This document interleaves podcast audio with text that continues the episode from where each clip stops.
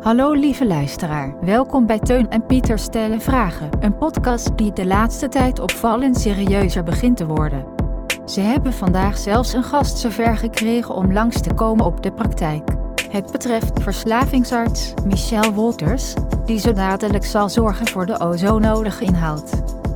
Zoals altijd, doe lekker rustig aan. Neem dingen niet te serieus en leg vooral je telefoon even weg. Veel plezier met luisteren.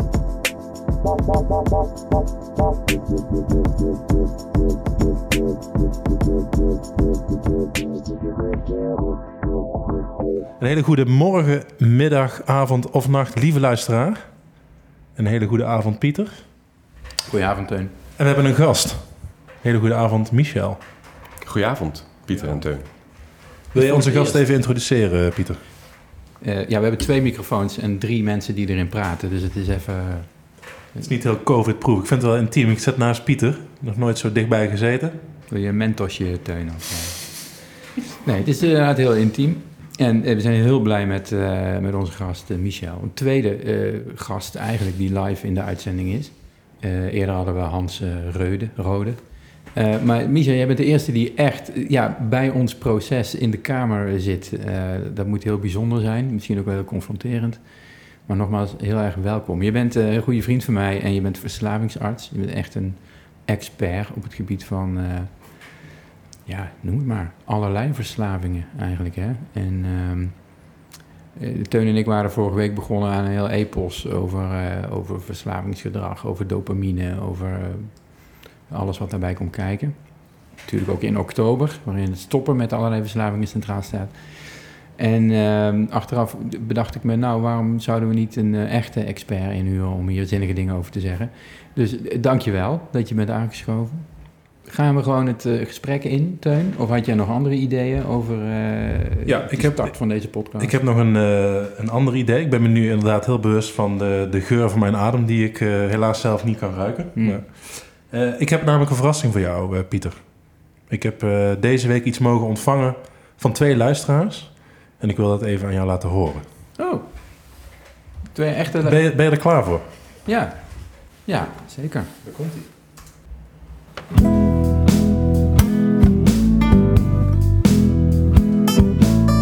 Het is Bob. Bob Dylan. I got a podcast. Turn and Peter's podcast. Oh, dit is cool.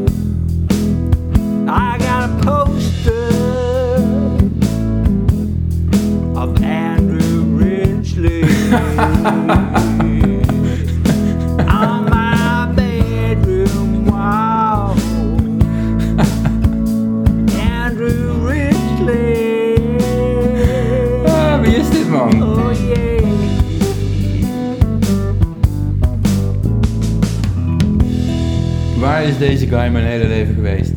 Wat, vertel, wat is dit? Nou, jij- je- wat mij betreft hoorde jij zojuist eh, de intro van eh, onze podcast. Ja, dit is een geniale intro. Dus muzikaal klopt het ook helemaal. Dit, Ja, is, het Bob, is- dit is Dylanesk eh, bijna. Dat zou ook heel goed kunnen. Muzikaal in ieder geval eh, zeker wel. Maar eh, nee, dit zijn twee eh, luisteraars die eh, een intro voor ons wilden maken. Super cool. We worden echt professioneel. Het begint wat te worden. Dank jullie wel, mannen. Ja, echt geweldig. Ja, ik wil hem zo nog een keer horen, maar eh, dit, dit komt. Ja. Ja, ik ben even een beetje, een beetje, een beetje van mijn stuk. Van Andrew ook. Geniaal. Eh, sorry Michel, het was even een emotioneel momentje hier. Jeetje. Ehm, Michel. Ja. We hebben heel veel vragen van jou. Maar we willen, eh, we willen graag het thema verslaving wat verder uitdiepen. En ik, ik, ik zou ook graag weten of de dingen die ik vorige afleveringen eh, in de ether in heb geslingerd, of, of, daar, of je daar nog commentaar op had, of daar misschien eh, dingen op, op of aan te merken zijn. Misschien kunnen we daar eens mee beginnen. Je, Nou, je ja, hebt geluisterd. Ben je sowieso een luisteraar van onze podcast? Dat eh, vind ik wel een hele belangrijke vraag. Eh, mogelijk in de dop. Ik heb het. Ik, ik heb de, de aflevering, de, de laatste aflevering, heb ik één keer. eh, oh, die, heb ik, die heb ik helemaal geluisterd. was al een hele prestatie. Dus 35 minuten van je leven. 35 minuten, eh, waar ik ontzettend nuttige dingen ik had kunnen doen. En, eh, ja, nee, dit- en het, maar het was gewoon veel beter dan de eerste keer dat ik het heb geluisterd. Oh, echt? Dat- ja, ja, toen dacht ik echt van, ik kan ook gaan douchen. Ja. En, en dat heb ik toen ook gedaan eigenlijk. En, en, toen, en toen dacht ik van, ik voel me toch schuldig, want ja... eh, hè, een vriend van me begint een podcast en het lukt me niet om verder dan vijf minuten te komen. Dus ik heb een tweede poging gedaan. Maar toen dacht ik, ja, maar het is zo zonde van de tijd. Ik kan echt heel veel leukere dingen doen. Dus toen is het weer mislukt. Nou, toen belde jij op en toen zei ik van, nou, wil je meedoen? Dus ik dacht, ja, weet je, ik moet wel gaan luisteren. Want straks refereren jullie allemaal naar die aflevering. En weer heb ik geen idee wat het is. Hè, dus, dus zodoende heb ik het helemaal geluisterd. En ehm, Vandaag nog. vanochtend. En ehm wat ik moest denken, want het ging natuurlijk over een soort van themavraag die maar rakelings eh, besproken werd over eh, wat kost eh, cocaïne. Ja, waarom is waarom zo duur? Waarom is het Ja. zo duur? En toen dacht ik, ja, dat is op zich een interessant onderwerp, hè, want dat speelt natuurlijk voortdurend. Hè, op straat speelt dat. En, en, en, dan, en, en jullie refereren denk ik met name naar de snuifcocaïne. De, de cocaïne. Wat is er nog meer dan? Er is ook de, de rookbare cocaïne, de, de cocaïnebazen, crack. Dat is een andere vorm van cocaïne ook? Ja, dat is een, een cocaïne die je neer laat slaan. Eh, Je maakt er een basis van door... ehm, eh, in, Nederland doe je dat met eh, ammoniak. En in Amerika doen ze dat met, met baking soda. En dan krijg je crack. En crack had nogal slecht, een slechte naam. Dus we hebben, in Nederland heb je het over base coke. En crack heet op, zo omdat het crackelt als je het eh, verhit. En eh, is met ammoniak gemaakt. En dat heeft het nadeel dat je, als hij niet goed schoongemaakt is, dat je eh, eigenlijk ook ammoniak aan het roken bent. Oh ja. En eh, dat, dat is best ongezond. En eh, dat is toch wel, ook wel een iets andere groep mensen vaak. Het is gewoon een stap verder dan, dan snuifkook. Dus ik vraag mensen altijd van, gooi je wel eens cocaïne weg? Hè, dat is eigenlijk zo'n soort vraagje. Maar dat zegt ook een beetje iets van, van wat, wat ben jij voor, hoe verslaafd ben je? Heb je het lef om, om iets weg te gooien? Eh, en, eh, Als het heel, als het heel slechte als het slechte cocaïne is. Als Ja. je denkt van het klopt niet. Hè, als het verhitten en het verbrandt onmiddellijk. Ehm, en, en dan zijn er, eh, zijn er maar heel enkele die, die dat doen. Sterker nog, als ik het een, ik denk als ik het eh, tien jaar geleden had gevraagd, ehm, nou was het nog steeds denk ik over hetzelfde geweest, maar had je veel meer mensen die cocaïne na gingen koken om hem schoon te koken. Maar de meeste mensen kopen het en gebruiken het meteen. Ja.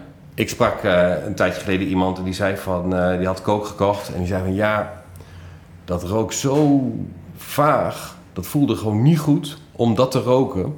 Dus toen heb ik het in een spuit gedaan. En ja, dan, dat zegt ook meteen wel iets over het inzicht. Hè? Want dan denk van, oké, Ja. het is dus hartstikke mooi dat je denkt, ik moet mijn longen beschermen. maar om dan alle natuurlijke barrières van je lichaam eh, te doorkruisen met een naald, is natuurlijk een hele rare keuze. Ja. Ja. Maar goed, in ieder geval... eh, Interessant. Op, kijk nu, dit, dit, dit, dit, dit is echt nieuwe kennis voor mij. Ik dacht altijd, eh cocaïne roken, dat, dat, dat zeg maar mensen die, die, die snuifkook eh, in, een, in een checkie stoppen. Maar dat, Nee. wat, wat zou, wat zou Nou, er het dan verschil, gebeuren? het dat- verschil is, nou, ik denk dat het eh grotendeels gewoon dan ook verbrandt. Het zal wel wat doen, maar die cocaïnebasis die doet wat anders. Want als mensen cocaïne snuiven, dan heb je het al snel over eh, een effect van, bij een beetje een gebruiker, van zo'n 40 minuten. Mhm. Terwijl base coke, als je dat rookt, dan hebben we het over 5 tot 10 seconden. En daarna ben je alweer klaar voor de volgende. Dus dat zijn die brommetjes die de hele tijd op en neer rijden. Want je bent niet klaar met 100 euro. Het maakt niet Ja. uit. Ja. En dat is natuurlijk ook het geniepige. En want daar hebben jullie vorige keer ook een beetje gehad over het beloningssysteem. En Mhm. waarom, men, waarom is cocaïne nou zo verslavend? Hè? Mhm. Ik vind die andere vraag trouwens ook wel waarom het zo duur is, is ook een heel interessante vraag. Maar waarom is het ook zo verslavend? Is omdat het zo snel werkt. Uiteindelijk, en dat kan je je voorstellen bij een, een, een basecoke, waarbij je, ehm, je gebruikt het en je hebt onmiddellijk een knal van, van, een, van een seconde of eh, tien, zullen we maar zeggen. Ehm, dat is aantrekkelijk. En, en met name eh, het, het, de tijd tussen het gebruiken en het, het maximale effect. Dat bepaalt eigenlijk eh, hoe verslavingsgevoelig een middel is. De tijd tussen het gebruiken en het maximale effect. Ja. Dat maakt natuurlijk ook het verschil tussen bijvoorbeeld ADHD-medicatie als dexamfetamine, wat eigenlijk hetzelfde is als speed, zou je kunnen zeggen. En speed dat mensen snuiven of, eh, nou, of via het, eh, de mondslijmvlies eh, binnenkrijgen. Het gaat dan veel sneller en dat maakt het schadelijk en verslavend, klopt dat? Ja, en, en ik heb een vergelijking met roken. Kijk, roken was lang niet zo verslavend geweest als, ik, als je vandaag een sigaret had gerookt en je hebt morgen het effect. Voor alle drugs geldt dat. Hoe langer dat duurt, het is eigenlijk een soort van, natuurlijk ook, er zit ook een soort van Pavlov-effect in. Als ik een middel heb waarbij ik op een knopje druk en ik heb onmiddellijk effect, is de kans dat ik weer op het knopje wil drukken veel groter. Ik hoef maar mijn mobiel te pakken en ik heb eigenlijk heel snel een reward als ik zou willen. En ook op een hele passieve manier. Ik hoef er ook niet eens heel veel moeite voor te doen. Ja, ja, klopt. En dat zijn er precies, dat zijn die likejes, dat is die reactie. Hè, want waarom, mensen reage- waarom reageer je niet zo snel? heeft allemaal te maken met het beloningssysteem. En, en dan kan je nog, dan kan je zeggen van nou, ik gebruik eh, speed, bijvoorbeeld kan je ook als bommetje, hè, dat doen ze in, dan in een vloeitje inslikken. Nou, dan neemt het op en dat, dat werkt al, zeg maar, snuiven of, of roken eh, werkt veel sneller. En spuiten, natuurlijk, het injecteren, werkt natuurlijk ook heel erg snel. En het verschil zit erin, want uiteindelijk komt het neer, al het gebruik komt er neer op ehm, een zo hoog mogelijke piek. Zo groot mogelijk contrast met wat je dagelijks voelt. Dus als je het heel vaak gebruikt, schuift dat op, is dat contrast kleiner, wordt het middel in, minder interessant. Ja, ja. Is het nou, eh, heeft, heeft, heeft eh, de mate van, van risico verslaving, heeft het nou met name te maken met die snelheid die je noemt, dat, dat de piek bereikt wordt? Of is het ene middel nou eenmaal verslavender dan het andere, ongeacht de snelheid van inname of eh, werkingsduur? Eh, het, het, het middel, of in ieder geval de neurotransmitters die daar worden, worden aangesproken, of, of die in één keer vrij worden gelaten, maakt wel uit. Als je een eh, middel hebt, eh, kijk, nicotine. Ja, wat doet nicotine? Nicotine is ook een raar middel, doet veel. Maar het doet onder andere, hè, dat is ook allemaal eh, vasoconstrictie. Dus de vaatjes gaan wat strakker. eh, is- het, het heeft even een kort ontspannend effect. Maar, maar cocaïne laat heel veel dopamine los. En dan ga je kijken naar de morfineachtige. Hè. Ik denk aan, aan nu aan fentanyl, oxycodon. Hè, maar zeker, en heroïne is natuurlijk een bekende. Die past zo goed op het menselijk lichaam, zo goed op die receptor die we ervoor hebben, dat het aantrekkelijk is. Dus het heeft het absoluut te maken met wat voor effect het is. Als jij, eh, weet ik veel, nou neem wat, neem, neem een, een plaspil. Stel dat je een heel snel werkende plaspil hebt, is die toch niet heel populair. Nee. Want dat is leuk, maar dat, dat, dat, dat levert niks op. Maar als je een beetje prettig gaat voelen, dus in één keer je, je beloningssysteem loopt in één keer leeg, cocaïne, ja. Weet je, dat beloningssysteem, dat is in het brein gekomen om jou te motiveren om iets te doen. En je kan voorstellen dat, dat als jij als, als, als eenvoudig organisme eh, ergens rondstrompelt op de aarde, dan heb je al een iets complexer organisme, maar dat het ook- organisme heeft bijvoorbeeld vocht nodig. Dus wat doe je als, hoe, wanneer, wanneer eh, overleeft een, een systeempje als het beloond wordt om dat vocht te nemen? Als je niet weet dat je moet drinken, dan, dan ga je er niet aan beginnen. Maar als je een beetje beloning krijgt, is dat interessant. Het is vooral interessant natuurlijk ook dat dan voortplanten, dat dat dan eigenlijk nog een veel, veel sterkere beloning geeft, hè? het orgasme. Ik weet niet of het sterker is. Denk je niet? Ik, heb Ik hoor, begrepen ik, dat wat ik van hoor sterkste... is altijd dat mensen zeggen, zeker bij, een, eh, bij heroïne of bij eh, dus de hoeveelheid dopamine van, eh, van, van, van ook, dat ze zeggen, nou, dit is zoveel keer ja, ja. een orgasme. Duizend Ja, keer dan- sterker dan een orgasme. Ja, maar zo'n rondstrompelend organisme komt niet snel coke tegen.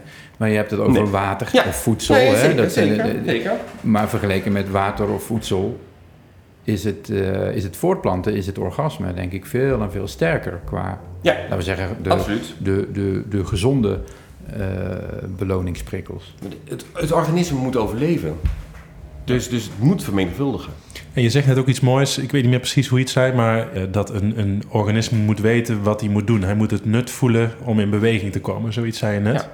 Daar hadden we het de vorige keer ook over, dat we mogelijk een soort van dopamine overflow hebben Ja, in de maatschappij met alle prikkels die op ons afkomen. Dat dat, zou dat een basis kunnen zijn voor dat men nu moeite heeft om uit de simpelere dingen misschien, zoals werken, Ja. lage dopaminaire acties eigenlijk. Ja. Ik denk dat dat dat wel zou kunnen. Maar misschien is dat ook wat conservatief denkend. Maar ik denk, Ja, dat, nee, maar ik denk dat, dat, eh, dat dat wel speelt. Ga kijken naar, eh, naar films, ga kijken naar muziek, ga kijken naar dingen. Alles wordt korter geknipt, wordt sneller geknipt. We hebben, ehm, waar je jaren geleden dat mensen zeiden van... nou, ik eh, moet er niet aan denken of, of ik hekel... Ik heb een hekel aan het feit dat er een pauze is in de bioscoop. Hè, dat je naar een, naar een bioscoop gaat waar geen pauze is. Hè. Dat mensen nu zeggen, ja, maar geen pauze. Weet je, wanneer moet je dan even je drinken halen en eventjes... eh, je, ziet het, ik, ik, ik- je ziet het voortdurend. Dus ik denk dat laag dopaminaire activiteit vraagt wat anders. Dus als je dat, als je dat zou doortrekken naar, naar het maken van een podcast, dan zou je eigenlijk ook kunnen concluderen dat als je een korte podcast maakt van zo'n 30 minuten, dat die verslavender zou werken dan een waar je 75 minuten naar een stel Zeker, pratende zeker. kerels luistert. hè? Dus Absoluut, absoluut. als het gaat om Je ziet, het, klantenbinding. je ziet het ook in de muziek. Maar wat, wat zegt het dan vooral over mensen die dan wel die 75 minuten prima uit kunnen zitten... ten opzichte van de mensen die alleen maar korter, korter, korter willen? Ik denk ook dat het, ehm, ik, hoor het wel, ik hoor het wel eens, dat mensen nu zeggen van ik, eh, ehm, ik kies eh, de komende tijd even voor een wat lager dopaminair leven. Dus slow TV, eh, dat soort dingen. Slow tv, maar ook niet te veel prikkels om er weer een beetje te, te herijken. Ja, een beetje, eh, op internet noemen ze dat vaak een dopamine detox. Een dopamine detox. Ja, wat mooi. Daar kan Ja. onze, onze podcast dan ook, het eerste seizoen tenminste, wel bij helpen. Ja. Hey, Michel, even iets anders. Dat moet je er ook aan denken. Eh, eh, Bij, bij het beloningssysteem, dopamine eh, en dingen die dat sterk triggeren, wordt vaak seks, drugs en rock'n'roll genoemd. Een, een orgasme geeft ontzettend veel beloning. Drugs doen dat nog veel sterker in veel gevallen, zoals jij zegt. Kan, doet rock'n'roll rock'n'roll dan ook? Bestaat er nou, bestaan er ook mensen die verslaafd zijn aan muziek of aan rock'n'roll? Waarom wordt dat er Ik- altijd in één adem genoemd? Ja, dat heeft denk ik ook heel veel te maken met, met cultuur.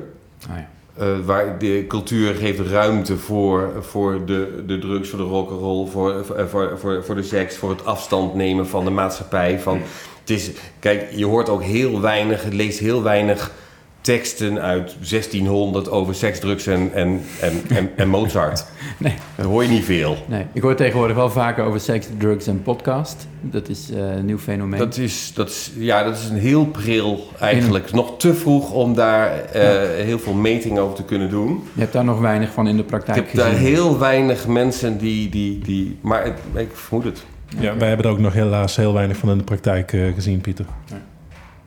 Is het, maar er zit ook een soort verheerlijking omheen dan, toch? Hè? De, de taboe, waar we het ook een beetje over hadden... op, op harddrugs ook steeds minder lijkt te worden. Nou, het valt ons allebei op. In ieder geval in mijn spreekuren, en eh, jou viel dat ook op volgens mij, dat zeker onder jonge mensen, onder de 30 minners, de de studenten, dat het eigenlijk volstrekt normaal is geworden om designer drugs met name, eh, die tot op zekere hoogte dan nog legaal en goedkoop te krijgen zijn, maar ook de speed, de ecstasy, de cocaïne. Dat lijkt volstrekt normaal geworden te zijn. Of dat lijkt eigenlijk ook een soort eh, eh, legaliteit van uit te gaan. Hè? Het, het, het voelt niet meer illegaal om dat te gebruiken. Ehm, het wordt natuurlijk niet, niet eh, zoals, zoals cannabis ge- ge- gedoogd. Hè? Dat helemaal niet. Het is gewoon strafbaar.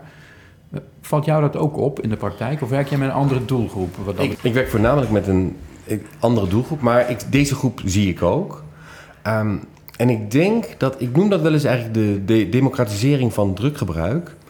Nou, het, de, de druk, het middel, is een beetje losgeraakt van, van, van de niche. Waar, je, eh, waar toen wij eh, zeg maar op de middelbare school zaten. En je kon eh, nog heel eenvoudig kon zien van daar staan de alto's. Die roken en die gebruiken cannabis. En, en daar staan de, de boeren, die eh, drinken alcohol. En daar staan die met die witte broekjes, die trainingspakjes aan. Dat zijn de, de, de housers, de, de, de, de, de vroege gabbers. En die gebruiken pilletjes. De ecstasy was dat De eigenlijk. ecstasy. Die, die groepen waren helemaal gemengd. Of die waren niet gemengd. Die waren, stonden heel ver van elkaar af. Mhm.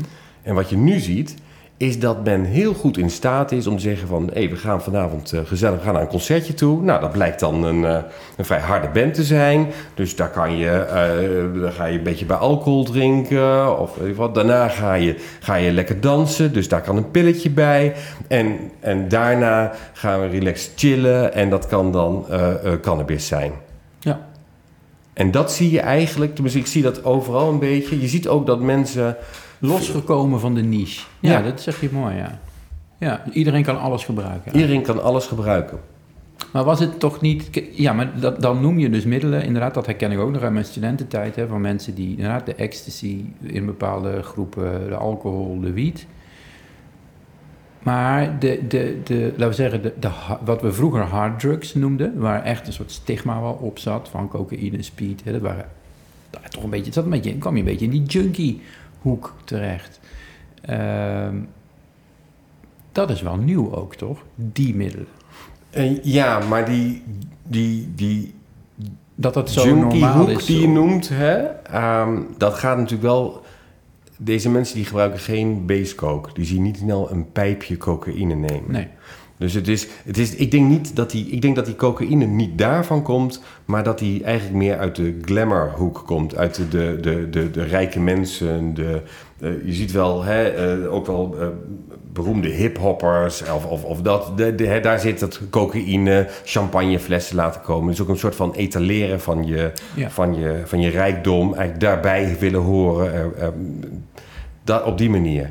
Dus het is niet, je hoort niet dat mensen basecoke gebruiken en heroïne is ook nog niet eh, heel populair. Nee, heroïne zal... Verwacht jij dat zo'n middel als heroïne ooit nog hip wordt? Zoals cocaïne of, of, of 3-MMC, hè? Die nieuwe... Ja, 3MMC is natuurlijk nu verboden, Ja. maar heel groot. Tenminste, en de variantjes, hè? want je hebt nu ook 3CMC en 4MMC en je hebt in ieder geval avonturende designers, maar die zijn, die zijn inderdaad heel groot. Ik moet zeggen dat ik dat wel interessant vond, dat ehm, als ik dit jaar op de festivals kijk, dat er een heel groot verschil is met festivals dit jaar en voor corona. Mhm. En dat heeft er grotendeels te maken dat, ik, dat je eigenlijk veel meer, laten we zeggen poedertjes, maar de 3MMC, veel meer ziet en veel opener. Dat is ook waar we een beetje op doelen. En die vraag had ik ook wel van... Ja, wat heeft COVID ja, veroorzaakt of gedaan wat betreft verslaving? Ja, nou ja, kijk, en ik denk, want ik denk dat jullie daar ook wel eh, eh, veel ervaring mee, of nee, niet persoonlijk, maar ook als eh, in je werk. Hè, want je vertelde ook dat mensen, dat de grote feesten gingen niet door. Ehm, de festivals gingen niet door. Dat heeft heel veel gevolgen gehad. Onder andere veel meer thuisfeestjes. Daar horen ook weer andere middelen bij. Ehm, het heeft ook voor de muziek gevolgen gehad. Hè. Je ziet dat de Nederlandse muziek is veel populairder geworden. Veel kleiner geworden. Ehm, de grote alternatieve eh, blockbusters of de grote nummers die groot werden... die ontdekten mensen heel vaak op festivals. Die waren er een paar jaar niet. Dus het maakt wel uit. En ehm, de kans op isolatie was wat groter. Dat mensen toch veel meer op hun kamer bleven zitten, eh, terechtkwamen of naar die feestjes gingen. Dus het gaat, vraagt om andere middelen. Ja. Maar ook een- misschien ook wel een cultuurbreuk. Hè? Dat je op een moment eh, je koppelt, eh, weet ik veel, naar een concert gaan of naar een festival met bepaalde middelen. Daar zit een paar jaar tussen.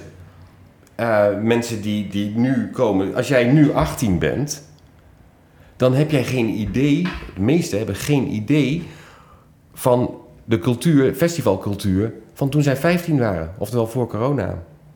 Dus men gaat, mensen gaan ook andere dingen zoeken. Het wordt wel eigenlijk een soort van toch een, een, een, een opnieuw starten. Een, een vraag die we ook hadden, net, net ook tussen neus en lippen door al een beetje het benoemd, is het, het, het gedogen, het legaliseren van harddrugs. Dat was eigenlijk een kernvraag die wij overhielden uit onze vorige aflevering. Ja, precies. Het, het, het, het- de vraag die al heel oud is. Ik kan me herinneren dat ik in, in, in mijn eerste studiejaar geneeskunde ooit een essay heb geschreven. Klinkt heel interessant, maar dat was het niet zo. Over het legaliseren van drugs. Waarin ik pleitte voor legaliseer alles maar. Eh, dat speelde toen al, dat thema. En eh, op, op, in Europa werden in bepaalde landen een soort van eh, try-outs gehouden met het legaliseren van harddrugs. Eh, jij hebt daar volgens mij ook ervaring mee met eh, heroïneverstrekking, klopt dat? Ja, maar dat is geen vrije heroïneverstrekking zoals men Nee. dat eh, droomde in de jaren tachtig. Ja. Ik, ik, ik gebruik heroïne als een, als een behandeling voor mensen waarbij ik, het mij niet lukt om met andere langwerkende opioïden, methadon is een, Ja. een klassieker, om het daarmee eh, eh, op te lossen. Dus dat lukt dan niet, dus dan geef ik heroïne bij. Hoe, kijk, we lopen nu natuurlijk ook aan tegen, hè, elk, het staat de afgelopen weken weer, weer vol in de, in de, in de kranten, de, de criminaliteit rondom Ja. het druggebruik. Nou ja, daar hadden jullie het vorige keer ook al over. Want dat was wel iets wat ik, eh, eh, waar ik me al aan moest denken. Namelijk weer over waarom is cocaïne zo duur. Mhm. En ik dacht meteen, weet je, het probleem van, een probleem van cocaïne is, is, is eigenlijk dat er geen fair trade cocaïne is. Er zijn altijd mensen misbruikt, Mhm. mensen onder druk gezet voor cocaïne. En waarom is die zo duur? Omdat die route zo lang is. Omdat die route van Zuid-Amerika hierheen... Kijk, als jij in Bolivia bent en je bent, woont één dorp verder... valt die prijs van die coca-blaadjes of die cocaïne valt nog wel mee. Ja, daar maken Maar- ze thee van ook. Hè? Daar maken ze thee van. En dat, dat moet je denken aan, aan net zoals kat. En, en eh, weet je, dat, dat, dat, dat een heel ander effect. Hè? Want ook die coca-blaadjes. Nou, een coca-blaadje, daar moet je langer op kouwen. En kom je nooit op die dopamine-release die die cocaïne geeft. Ja. Nee, ik heb, ik heb in Bolivia coca-blaadjes gekoud en thee van gedronken. En dat was eh, hartstikke hip daar. Nou, daar merk je niks van, kan ik je zeggen. Je krijgt een beetje tintelende mond. En het zou tegen hoogteziekte werken. Maar eh, iets van een trip eh, komt er niet van. Nee, Nee, die coca-blaadjes worden dan hè, gecombineerd met... Wat is het? eh, HC? Nee, waterstof. Nou, peroxide? Maar dat weet ik niet zeker. Weet ik niet, weet geloof ik ik. niet zeker. Dat weet ik Nu, niet zeker. nu zei je in de vorige aflevering dat je nooit cocaïne gekocht had. Dus had je die blaadjes gekregen van iemand? Of hoe? eh? Ja, maar eh, coca-bladen zijn geen drugs, is geen cocaïne. hè. Let nou eens op als er wat uitgelegd wordt. Eh, ik heb zelfs een t-shirt gekocht in Bolivia met eh, La hoja de coca no es droga. Ofwel, het blad van de coca-plant is geen drug. Dat willen de Amerikanen ons wel doen geloven. En daarom hebben ze ook in de jaren negentig of zo... hebben ze die De ontbladeringsbombardementen... war on drugs van, eh, van Amerika heeft heel veel veroorzaakt. Het, eh, hè, dat, het, het interessante is natuurlijk wel dat die vluchten zo lang waren... dat men eigenlijk al een soort amfetamines als piloot... amfetamine nog om, om überhaupt zo ver te kunnen halen. vliegen... om daar die coca-plantages eh, te plat te leggen.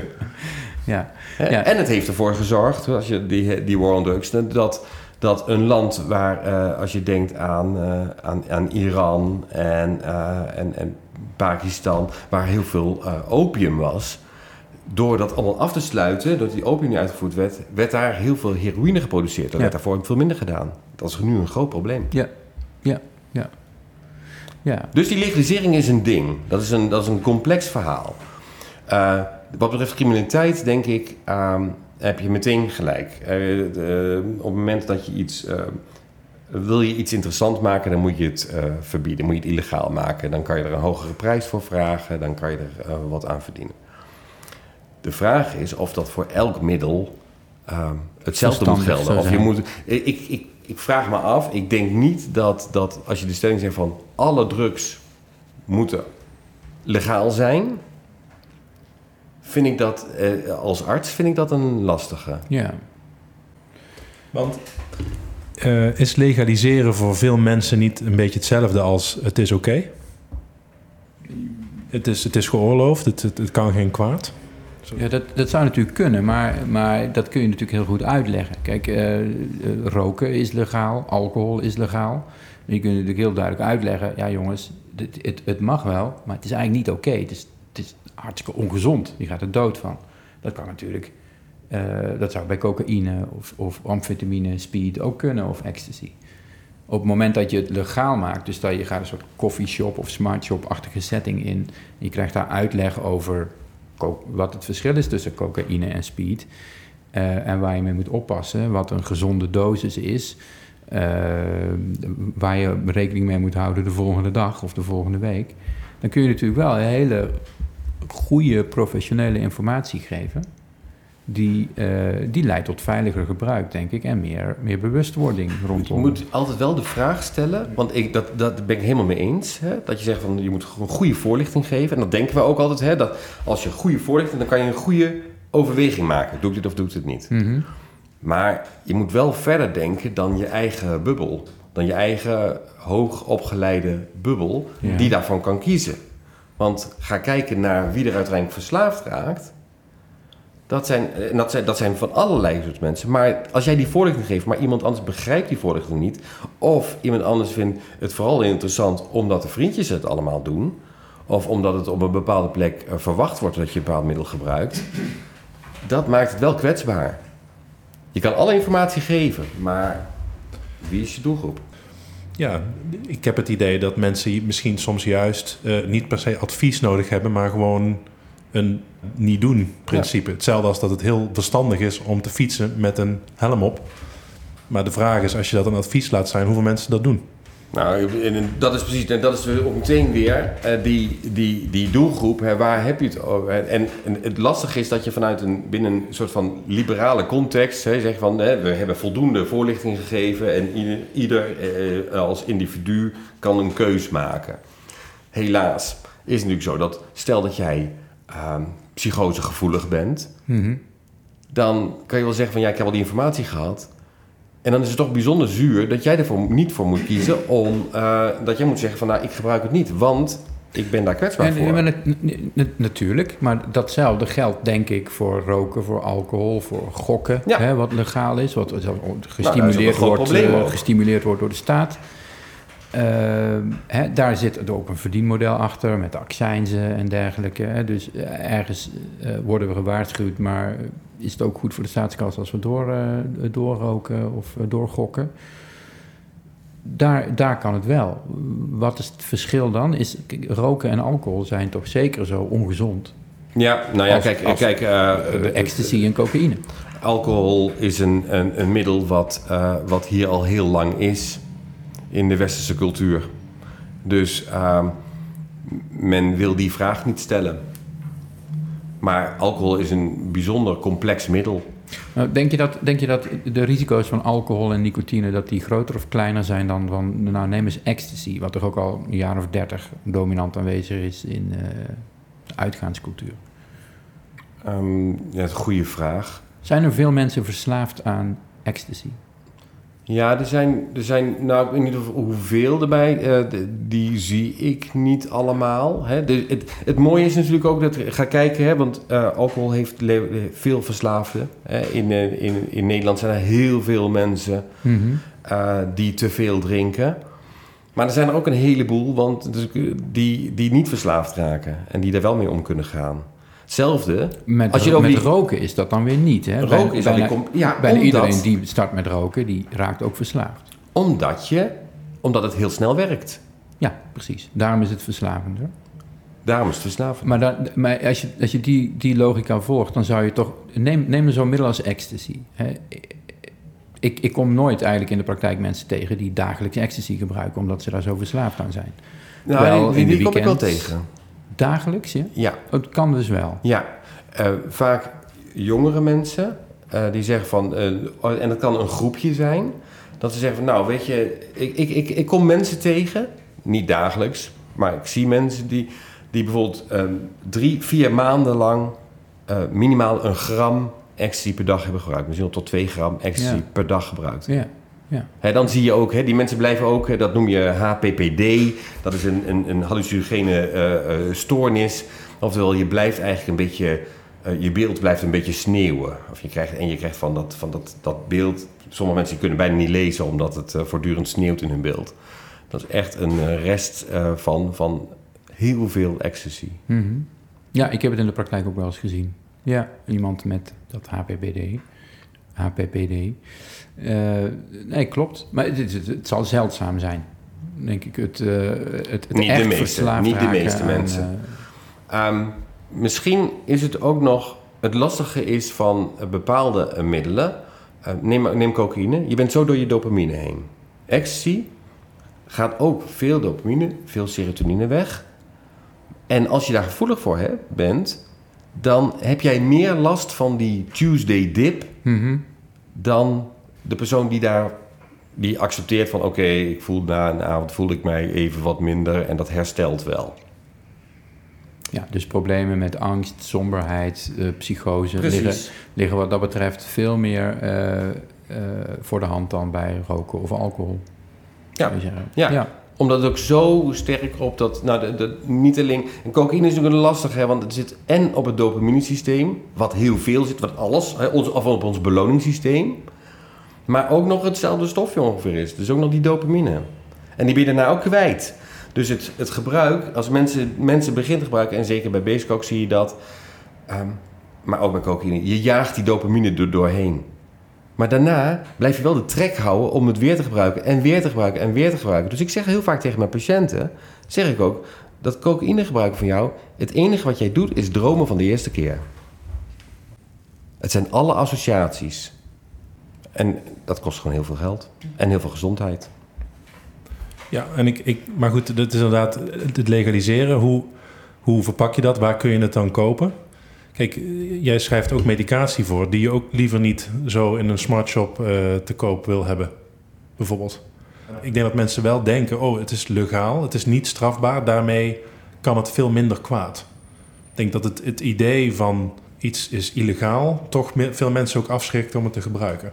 Waarbij je ook kunt zeggen, maar dan ga je helemaal de andere kant op, van is het ook niet juist goed om dat met alcohol en roken bijvoorbeeld eens concreet te doen. Ja, precies. Je maakt ook door het een legaal en het ander illegaal te maken, maak je ook een soort tweedeling die vaak niet klopt. Kijk, paddo's zijn illegaal.